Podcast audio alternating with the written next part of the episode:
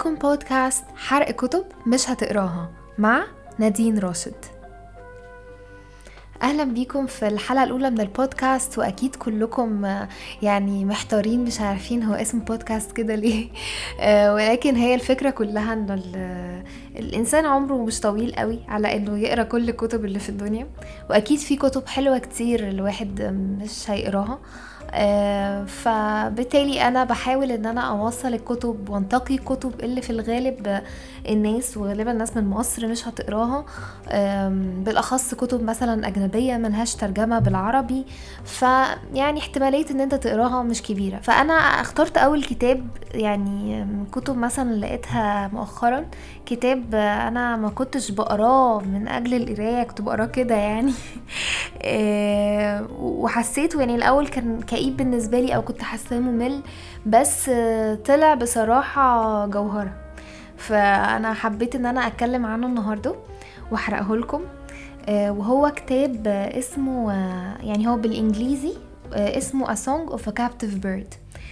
أغنية طائر أسير. اللي كاتبة الكتاب ده هي كاتبة إيرانية أمريكية جاسمين دورزنك والكتاب يعني هو حوالي 432 صفحة ومش كبير قوي يعني ممكن تقروه عادي. مش مش مستحيل تقروه. آه، رواية اتنشرت في 13 فبراير 2018 فهو يعتبر كتاب جديد. وهو آه، يعتبر كتاب سيرة ذاتية خيالية. يعني هي المفروض إن هي ال- البيوجرافي بتاعت شخصية آه، فاروق آه، فرخ زاد دي آه، شاعرة. وبس هي حاطة خيال. ف وأنت بتقرأ القصة هتكتشف في الآخر إن في خيال كتير جدا.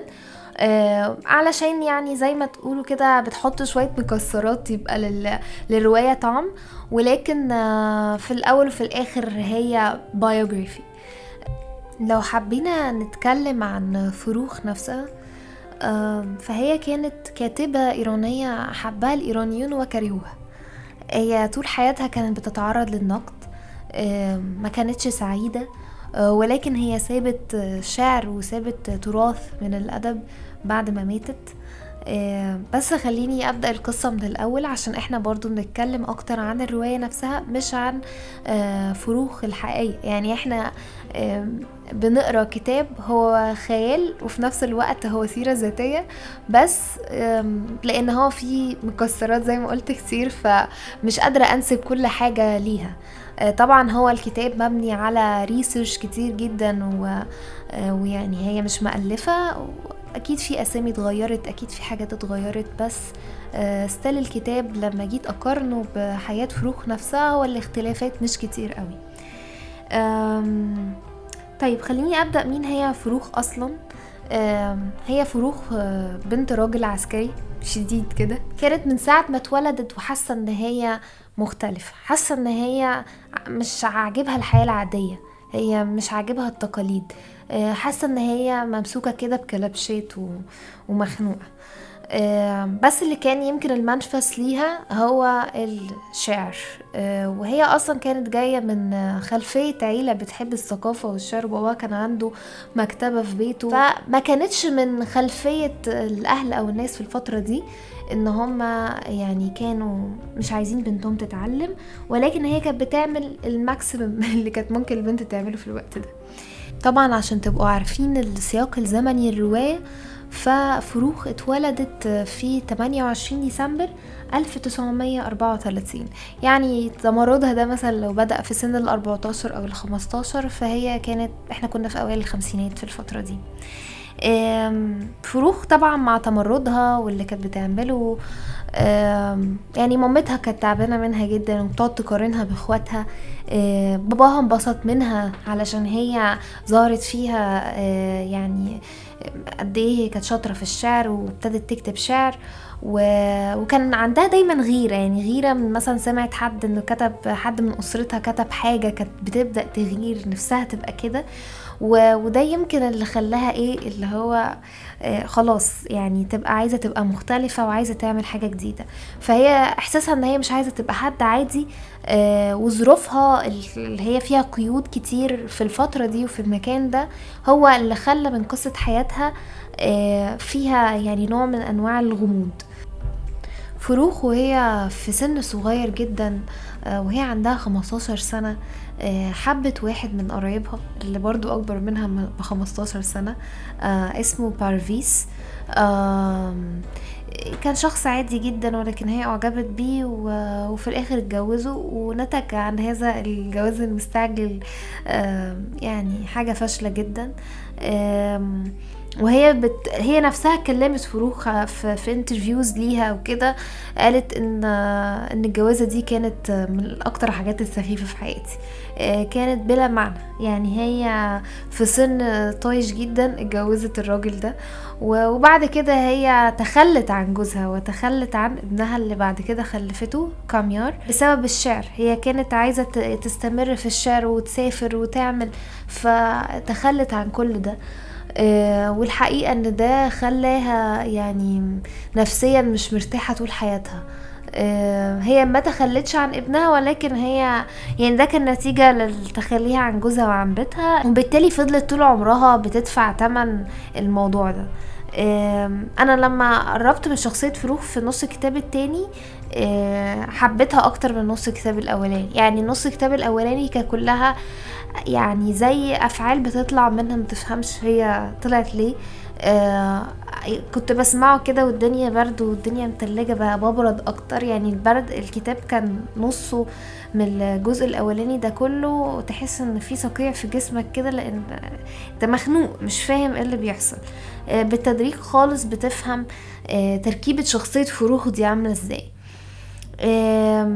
هي في قصايدها لما آه، سابت ابنها عملت له قصيدة كانت اسمها قصيدة الجدار آه، وباباها لما هي تخلت عن بيتها وعن أسرتها زعل منها وكان يعني علاقته بيها باظت خالص ما بقاش في علاقة ما بينها وبين باباها أصلا. وحتى هي كتبت له آه، جواب كانت بتحاول إن هي تعتذر له وكانت بتقول إن هو نفسه يفهمها. يعني هي كان كل الفكرة إن هي نفسها باباها يفهمها ويفهم هي عملت كده ليه. فإحساسها على طول إن الناس مش فاهماها إحساسها إن هي مختلفة عن الباقي إن طموحاتها مختلفة عن الوقت ده. هي كانت فعلا بتطمح لحياة غير عادية آه خالية من الرتابة آه بس في الأسف للأسف انتهى بيها الأمر إنها تحس إن كل ده كان ليه.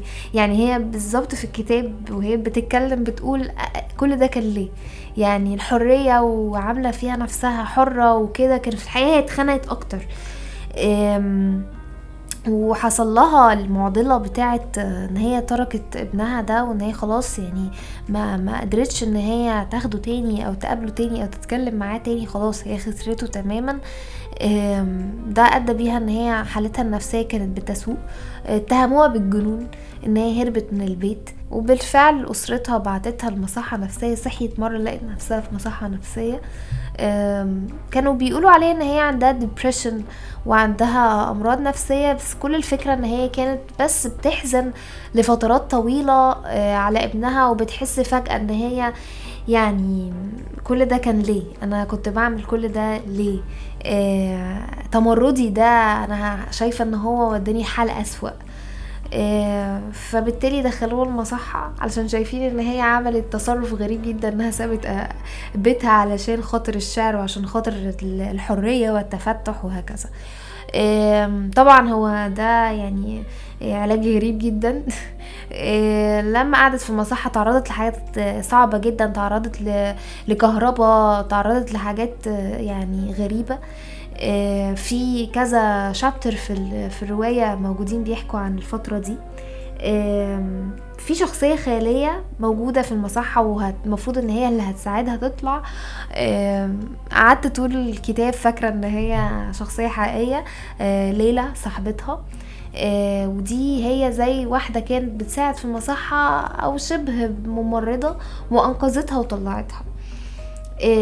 أثناء وجودها في المصحة زارتها أختها وكانت بتحكي لها إنها كتبت مسرحية وعملت فابتدت تقارن نفسها بأختها. وزي أي حد بيقارن نفسه بغيره وفروخ قارنت نفسها بيها وحست قد إيه إن هي يعني ضيعت ضيعت حاجات كتيرة قوي بتصرفاتها اللي هي تعتبر غريبة عن وقتها. فروخ بعد خروجها من المصحة كانت محتاجة إعادة تأهيل كلي وذاتي ليلى دي كانت بتساعدها. ليلى كانت آه، أصلا من أصول أمراء. آه، هي وأخوها كانوا أمراء لكن أخوها تمرد عن النظام آه، وهربان. وهي بقت بتشتغل بتعمل كذا حاجة في نفس الوقت ومنها اللي هي دخلت في الجزء السينما والأدب. كان عندها كونكشنز بقى في كل حتة في المنطقة بتاعت السينما والأدب. لحد ما فروخ فاقت كده وبقت طبيعية. ابتدت ترجع لفروخ حياتها الاجتماعية تاني. من خلال قعدتها مع ليلى كانت بتعمل قعدات أدبية وبتجيب ناس من معرفها معظمهم رواد في الأدب وفي الشعر وفي السينما. و... واتعرفت على آه، حد هيبقى ليه دور كبير قوي في حياتها لآخر الفصول. وهو جولشري أو داريوش. الحقيقة دي حاجة من الحاجات اللي أنا يعني كنت مستغرباها جدا إن أنا كنت باجي أبحث في الإنترنت عن اسم الراجل ده كان مش بيطلع لي خالص. طلع إن اسمه الحقيقي هو إبراهيم كولستان. هو أنا مش فاهمة هو ليه ما كتبش اسمه؟ آه، ده عمل لخبطة مش أكتر. آه، وارد لأن هو كان عايش والوقت اللي كانت اتنشرت فيه الرواية أو آه، لاسباب بقى شخصية أمنية. بس لما بصيت في المصادر هو اسمه مكتوب عادي جدا إبراهيم كولستان ومش مكسوف من نفسه. بالعكس معظم المقابلات الموجودة هو بيحكي عنها أصلا. من خلال آه، داريوش أو جولشري هو كان ليه اسمين. واحد اسمه والتاني لقبه. كان معروف إن هو شخصية مغرورة وشخصية ناجحة جدا وإن هو بدأ. كرجل أدبي بيكتب ونجح وبرضه ساب راح ساب الأدب وانتقل للسينما ولقى نفسه إن هو نجح في الحتة دي فقال أجرب حاجة تاني. حتى هي كانت ليلى مستغربة إن هو بطل يكتب شعر وإن هو راح للسينما. فهو ابتدى إبراهيم أو جول شيري يبدأ في الموضوع ده. آه، ونجح وكان ابتدى فعلا يعمل يعني نطة حلوة قوي في السينما لإيران. ابتدت بقى يعني هي فروخ تبقى مهتمة بالشخص ده وفي القعدة كلها كانت حاسة إن هو شخص مثير للاهتمام جدا. في مرة بتسأل ليلى بتقول لها هو مين ده؟ فهي ليلى بتقول لها بتسألي ليه؟ أه، بتقول لها لا عشان أنا بفكر أشتغل. و... ودي كانت كده إجابة طلعت منها هي ما تقصدهاش. هي ما كانتش عايزة تشتغل هي كانت عايزة تعرفه فعلا كانت مهتمة بالراجل ده. آه، وكان راجل كاريزما كانت بتقول عليه مغرور آه، بس هي كانت بتحبه عشان هو مغرور. فده التعريف تقريبا للكاريزما. ليها يعني. فيعني ابتدت بقى ان هي إيه تحاول تتعرف عليه بشكل أو بآخر فقالت خلاص أنا هشتغل عنده. هو كان عامل مكتب كده مكتب اداري ليه علاقة ان هو بيدير الافلام بتاعته وكان عنده استوديو ليه في منطقة تانية. آه، برضو موجودة في طهران. أنا للأسف ما نسيت أذكر الخريطة بتاعة الرواية ماشية إزاي. مش مش بقرأ من سكريبت أنا بحاول إن أنا على قدر الإمكان أقول النقط اللي كانت طلعت ثابتة من دماغي واللي هي من الحاجات يمكن المهمة في القصة. آه، في تفاصيل كتير بتعدي عليك في الرواية كده بتقراها أنت مش مركز وفي حاجات بتفضل ثابتة في دماغك وهي دي اللي ممكن تكون مهمة إن أنت تحكيها لغيرك. هي أصلا فروخ من من طهران. آه، لما اتجوزت راحت بلد اسمها أحفاظ تقريبا. وبعد كده آه، راحت رجعت تاني طهران لما كانت بتروح تكتب شعر وتتعرف على ناس تساعدها إن هي تنشر شعرها. وده طبعا أدى لعقبات كتيرة. بعد كده راحت تاني رجعت طهران لما كانت مع ليلى. الجزء الخيالي في القصة. آه، أو الشبه خيالي. لما راحت تشتغل بقى في الاستوديو هي كانت شغالة شغلانة بسيطة جدا بتعمل حاجات ورقيات يعني. آه، بعد كده بالتدريج تعرفت على آه، داريوش أكتر وابتدوا يحسوا إن هي ليها آراء فعلا وبتعرف آه، يعني عندها رؤية في السينما ورؤية في, حاجات كتير.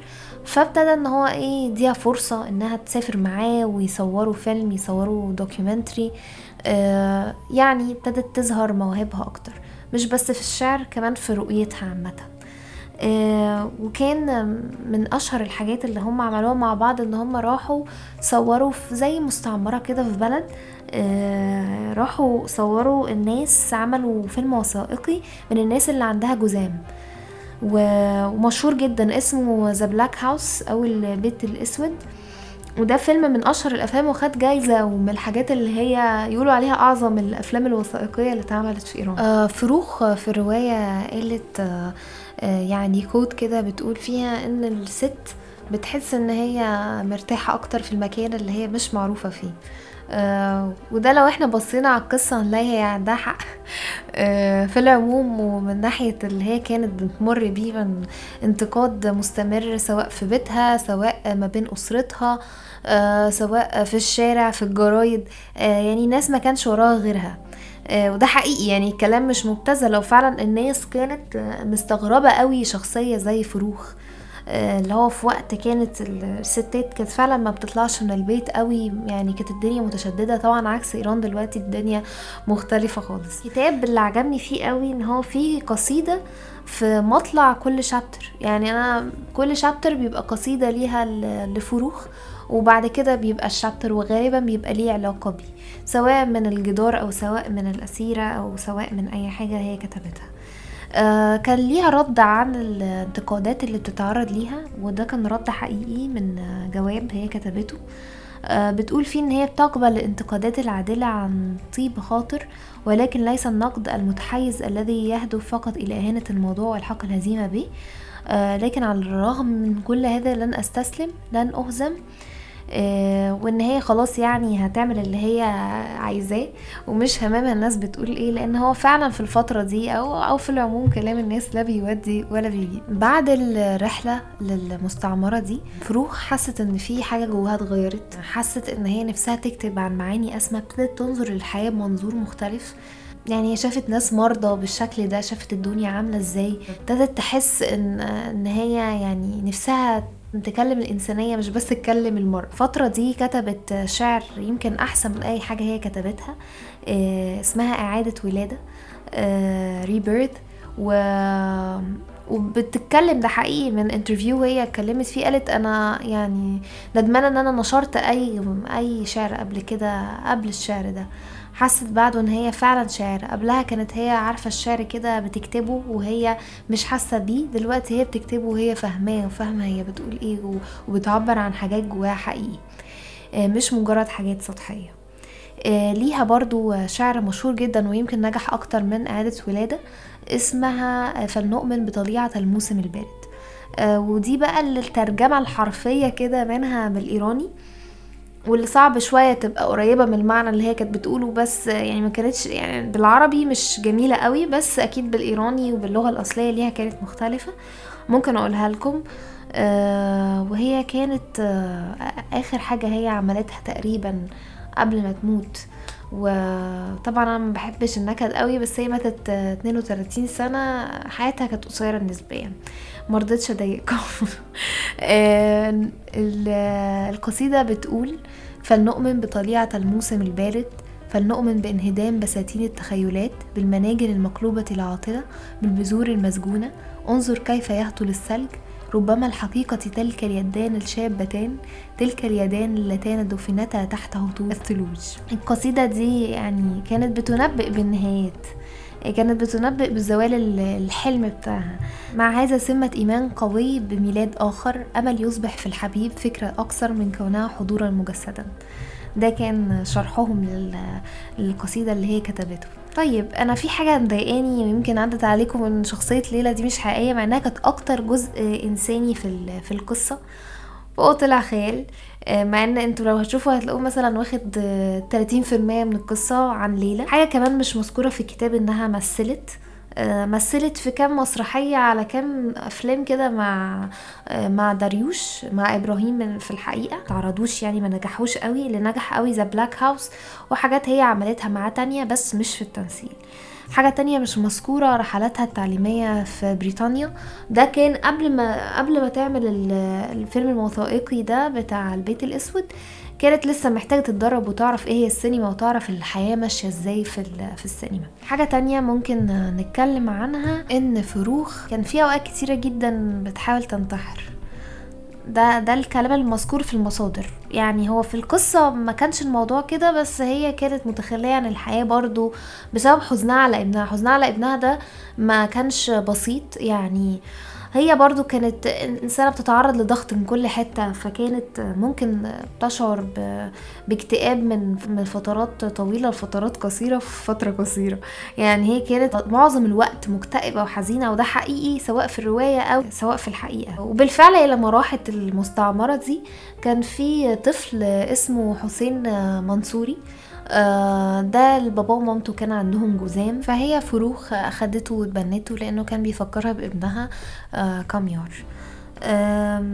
برضو لو اتكلمنا عن فروخ كانت بتعمل إيه في الفترة دي هي كان ليها أنشطة اجتماعية وسياسية متفرقة ودعمت احتجاجات الطلاب ضد سياسات الشاه وفعلا ده كان مذكور في شابتر في الآخر كده إن هي آه، مرة كانت سايقة العربية وفي طلاب قالوا لها تساعدهم عشان الاحتجاجات وخبتهم وهي خايفة جدا واتقبض عليها ولبست يعني وده كان حاجة من الحاجات اللي هي عملتها مش ندمانه عليها.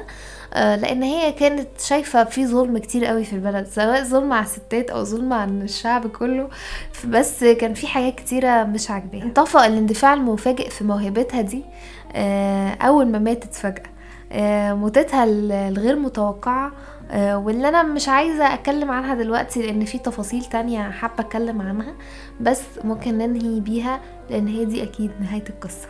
وبرضو عشان نفهم فروخ أكتر هي ليه أصلا آه، من أول ما بدأت بتتكلم عن المرأة بتتكلم عن رغباتها بتتكلم عن طموحاتها.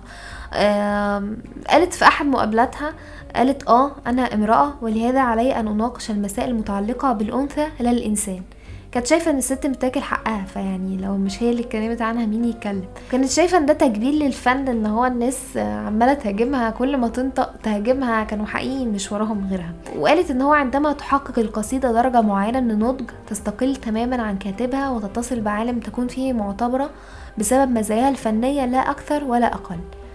يعني بصوا للموضوع بطريقة يعني موضوعية أكتر.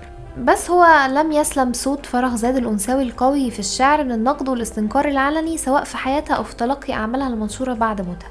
والقصيدة اللي اتنشرت بعد موتها اللي هي طليعة الموسم البارد.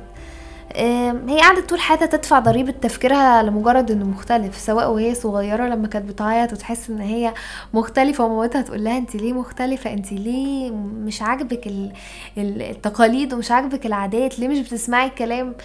فهي شخصيتها متمردة ومن هي صغيرة بس التمرد ده طلع منها أيقونة. بس هي ما عاشتش حياة سعيدة وده الحزين في الموضوع. آه، أدخل عليكم بقى بالأحزن إن والجدير بالذكر إن حتى داريوش جولشري كان متجوز وهي كانت عارفة. فهي فروخ فضلت الجزء التاني كده بقتش بتشعر بقت خلاص هي كانت مستسلمة هي بتحبه ومش هتحب غيره. آه، وخلاص يعني رضيت بيه آه، كما هو. آه، وما كانتش شايفة مستقبل لعلاقتهم ويمكن ده كان كئبها أكتر ومخليها حزينة أكتر. بس هو قال لها أنا مش هينفع إن أنا أترك زوجتي.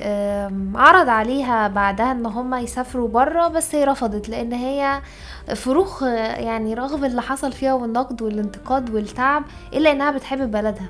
هي بتحب إيران جدا ومش مش قادرة تتخلى عن الصيف في إيران والحياة في إيران وريحة الأكل في إيران. وكانت في شرح كده كامل اللي هي الحاجات اللي بتحبها في بلدها في طهران زي ما إحنا بنحب كده ريحة الكشري وريحة المش عارفة إيه كانت مرتبطة نفسيا بالبلد. فده كان صعب عليها إن هي تمشي وتسافر معاه طول ما هو متجوز هي كانت شايفة إن هو مفيش يعني مفيش أهمية للي هما هيعملوه ده. حاجة تانية أحب أقولها إن داريوش ما كانش مثالي. زي ما قلت هو كان شخص مغرور ولكن عنده يعني القيم بتاعته عنده طريقة تفكير مختلفة خالص. وده اللي خلاه نجح. هو ما كانش شخصية عادية هو كان ناجح في كل حاجة. عملت search عليه لقيته كده شبه يعني علي جابر اللي هو بتاع Arabs Got Talent على مصطفى فهمي كده ضربوا في الخلاط طلعوا آه، إبراهيم كولستان اللي هو الشخصية الأصلية. آه، فيعني هي فروخ كانت علاقتها بيه مش علاقة هشة خالص. يعني هو حتى آه، برضه عشان أبقى جايبها لكم من مصدر إن هو آه، في فبراير 2017 وفي ذكرى وفاتها الخمسين خرج كولستان عن صمته وهو بالغ 94 سنة وتحدث عن علاقته بيها إلى سعيد كمالي. شخصية مش مهمة دلوقتي. ندم على جميع السنوات التي غابت فيها كلها صريحة كنا مقربين جدا من بعض ولكن أعجز عن وصف مقدار حبي لها ويعني أقيسه بالكيلو جرام ولا أقيسه بالأمتار. آه، فيعني هو لحد دلوقتي أنا بفتح يوتيوب ما بلاقيش ما بيتكلمش غير عن فروخ.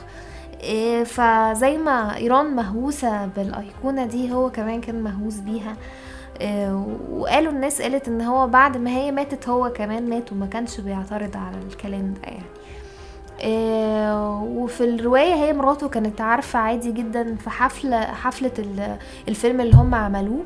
آه، جت مراته حضرت وكانت أول نجاح لفروخ حقيقي كده في السينما.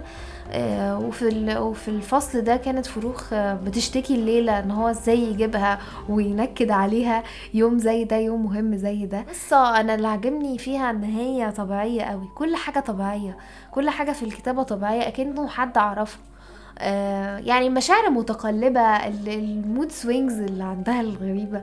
آه، يمكن بتفكرني بنفسي أحيانا بس طبعا هي ليها قصة مختلفة خالص. إحساسها بالإختلاف الدائم إحساسها إن هي آه، يعني مكتئبة أو إحساسها إن هي مش واخدة كل اللي هي عايزاه فبالتالي في حاجة مضايقاها حاسة دايما بنقص ما سواء ابنها سواء موضوع آه، آه، إبراهيم أو جول شيرين هو متجوز وإن هو مش يعني مش مش مش بتاعها لوحدها يعني. ف...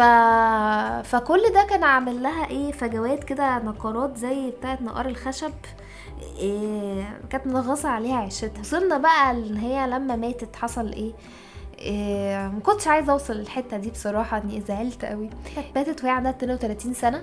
إيه في القصة غير الحقيقة الحقيقة بيقولوا إن هي كانت راجعة من الأوفيس رايحة مشوار.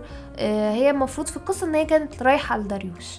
إيه وكانت قبلها عند مامتها بتزورها وكان اللقاء واضح جدا منه إن حد هيموت هي مامتها. وعلاقتها بمامتها كانت من أغرب العلاقات اللي في الرواية لأنها كانت مامتها تحسها مش راضية عنها بس في نفس الوقت هي بتحبها ومش بتبين حبها ليها ده. بس في آخر فصل بانت إن هي فخورة بيها وإن وإن أختها فخورة بيها وعيلتها فخورة بيها خاصة لما زاروها وشافوا افتتاح الفيلم. آه بعد ما راحت لمامتها آه كانت سايقة العربية وكانت رايحة تشوف ابنها اللي هي اتحرمت منه منعت تماما إن هي تشوف ابنها وحماتها.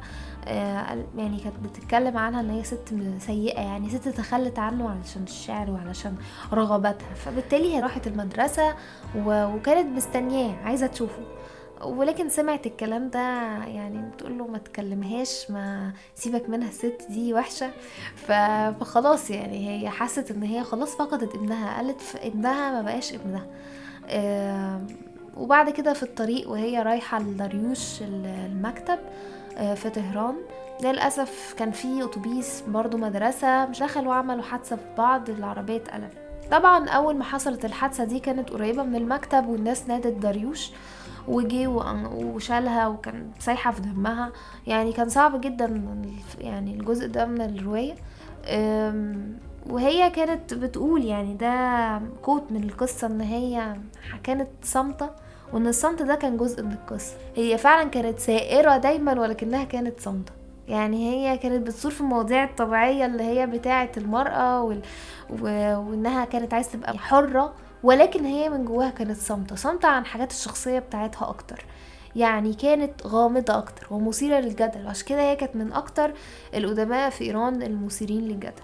في اللحظة وداريوش شايلها كانت بتشرح بتقول إن هي كان أكنها أول مرة تشوف داريوش. زي ما اليوم اللي هي شافته عند ليلى في الحفلة.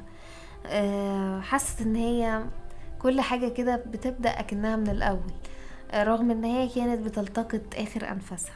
زي ما ذكرت أو ما ذكرتش مش فاكرة بس كنت بتكلم على إن كان في زي كده هند هي هتموت إزاي.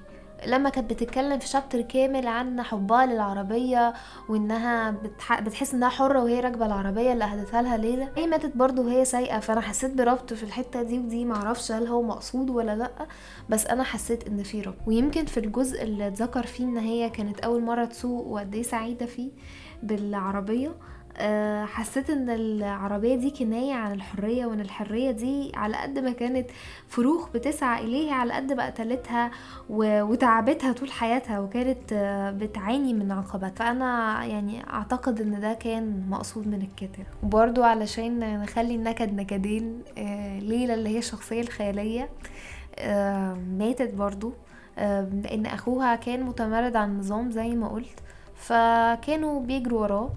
آه، وكانوا عشان يوقعوه آه، ويعرفوا مكانه راحوا لأخته وقتلوها آه، عشان يقدروا يوصلوا فهي كانت ملقاه في بحيرة ماتت الصبح صحيت فروخ بتدور عليها ما لقيتهاش في بيتهم.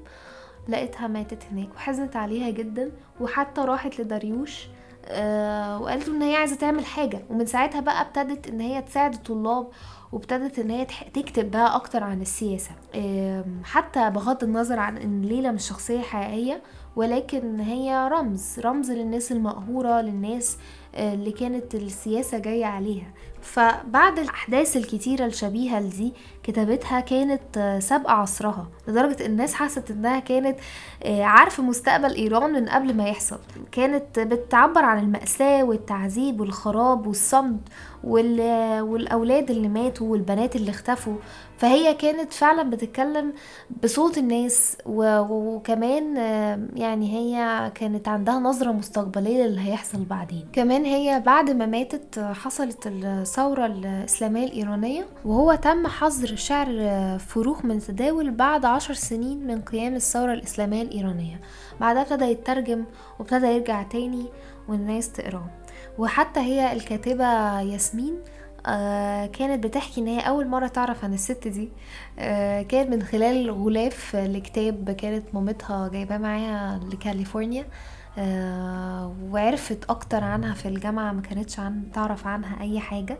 ومن الكتاب ده عملت ريسيرش عن فروخ وكتبت الكتاب ده. فروخ كان شعرها تعبير عن الرفض الرفض من خلال الكشف كشف أعمق أغوار عوالم المرأة وده اللي كان محظور ساعتها. الكاتبة يعني كان رأيها إن في شعراء كتير حياتهم ملهاش أي علاقة بشعرهم غير لما بيقعدوا على المكتب ويكتبوه بعدين يرجعوا لحياتهم التعيسة العادية المملة. وده كان بيخليها ما تصدقش اللي بيكتبوه. آه، ولا تحس بيه. فاللي بيفرق فروخ عنهم إن هي فروخ كانت حياتها كلها أحداث حياتها شعرها كان مستوحى من حياتها من ظروفها الغريبة اللي خلت منها شاعرة آه، فريدة من نوعها. هي كانت يعني مدية حياتها للشعر والشعر هو اللي كانت الإجابة اللي بتديه الحياة. وإن شعر فروخ ما تشهرش بالشكل ده غير بعد ما ماتت آه، دليل على إن الفن بيعيش أكتر من صاحبه. الناس كانت رافضاها أثناء حياتها أكتر ما كانت قبلها بس بعد ما ماتت يعني الأجيال الإيرانية كلها عارفة مين هي فروخ وبتحب الشعر بتاعها وبتحب جرأتها اللي كانت آه، يعني مسابقة لعصرها خالص. فهي ايكون محبوب مش مكروه حاليا. حاجة تانية أحب أضيفها وهي إن في الفصل الأخير اللي هو المفروض بيدور في 13 فبراير 67 آه لما ماتت بعد الحادثة فصلين الأخرانيين تقريبا. كان كله أكنه صوتها الداخلي وبتحكي كل لقطة هي حاسة بيها. آه سواء لقطة مكان داريوش شايلها وخلاص رايحة المستشفى أو وهي بتموت أو وهي بتتكفن. يعني فضلت تحكي وتشرح هي شامة إيه وحاسة بإيه وحبها لإيران كان عامل إزاي. بتشرح إن هي شامة ريحة أكلة معينة وهي خلاص رايحة تدفن.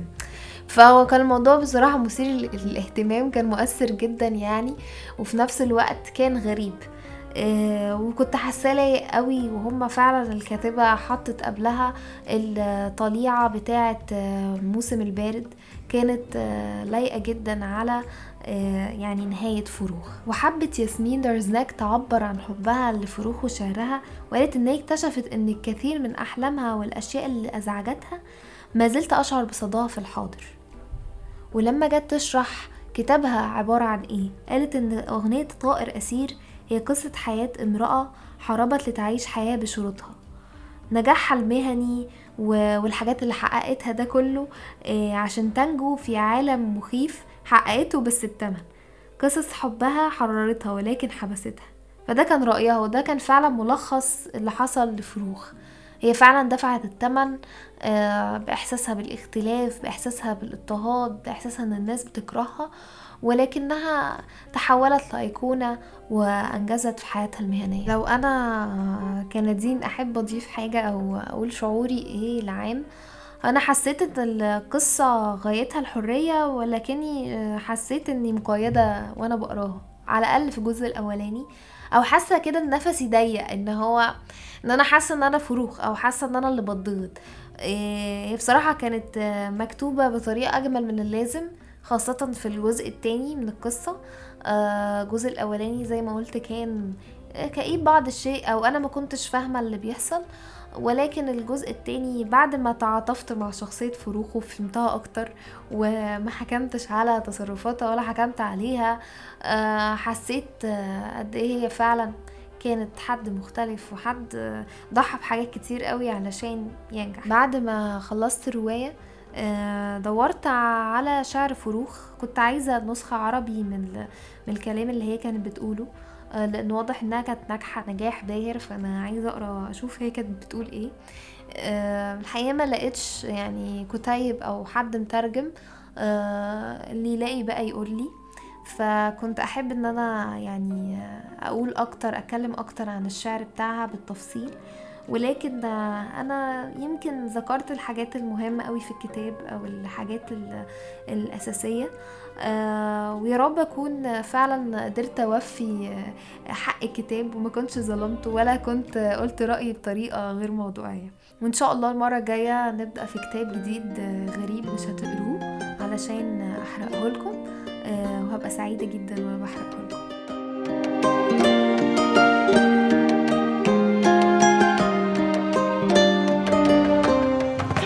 كانت معاكم نادين راشد من بودكاست حرق كتب مش هتقراها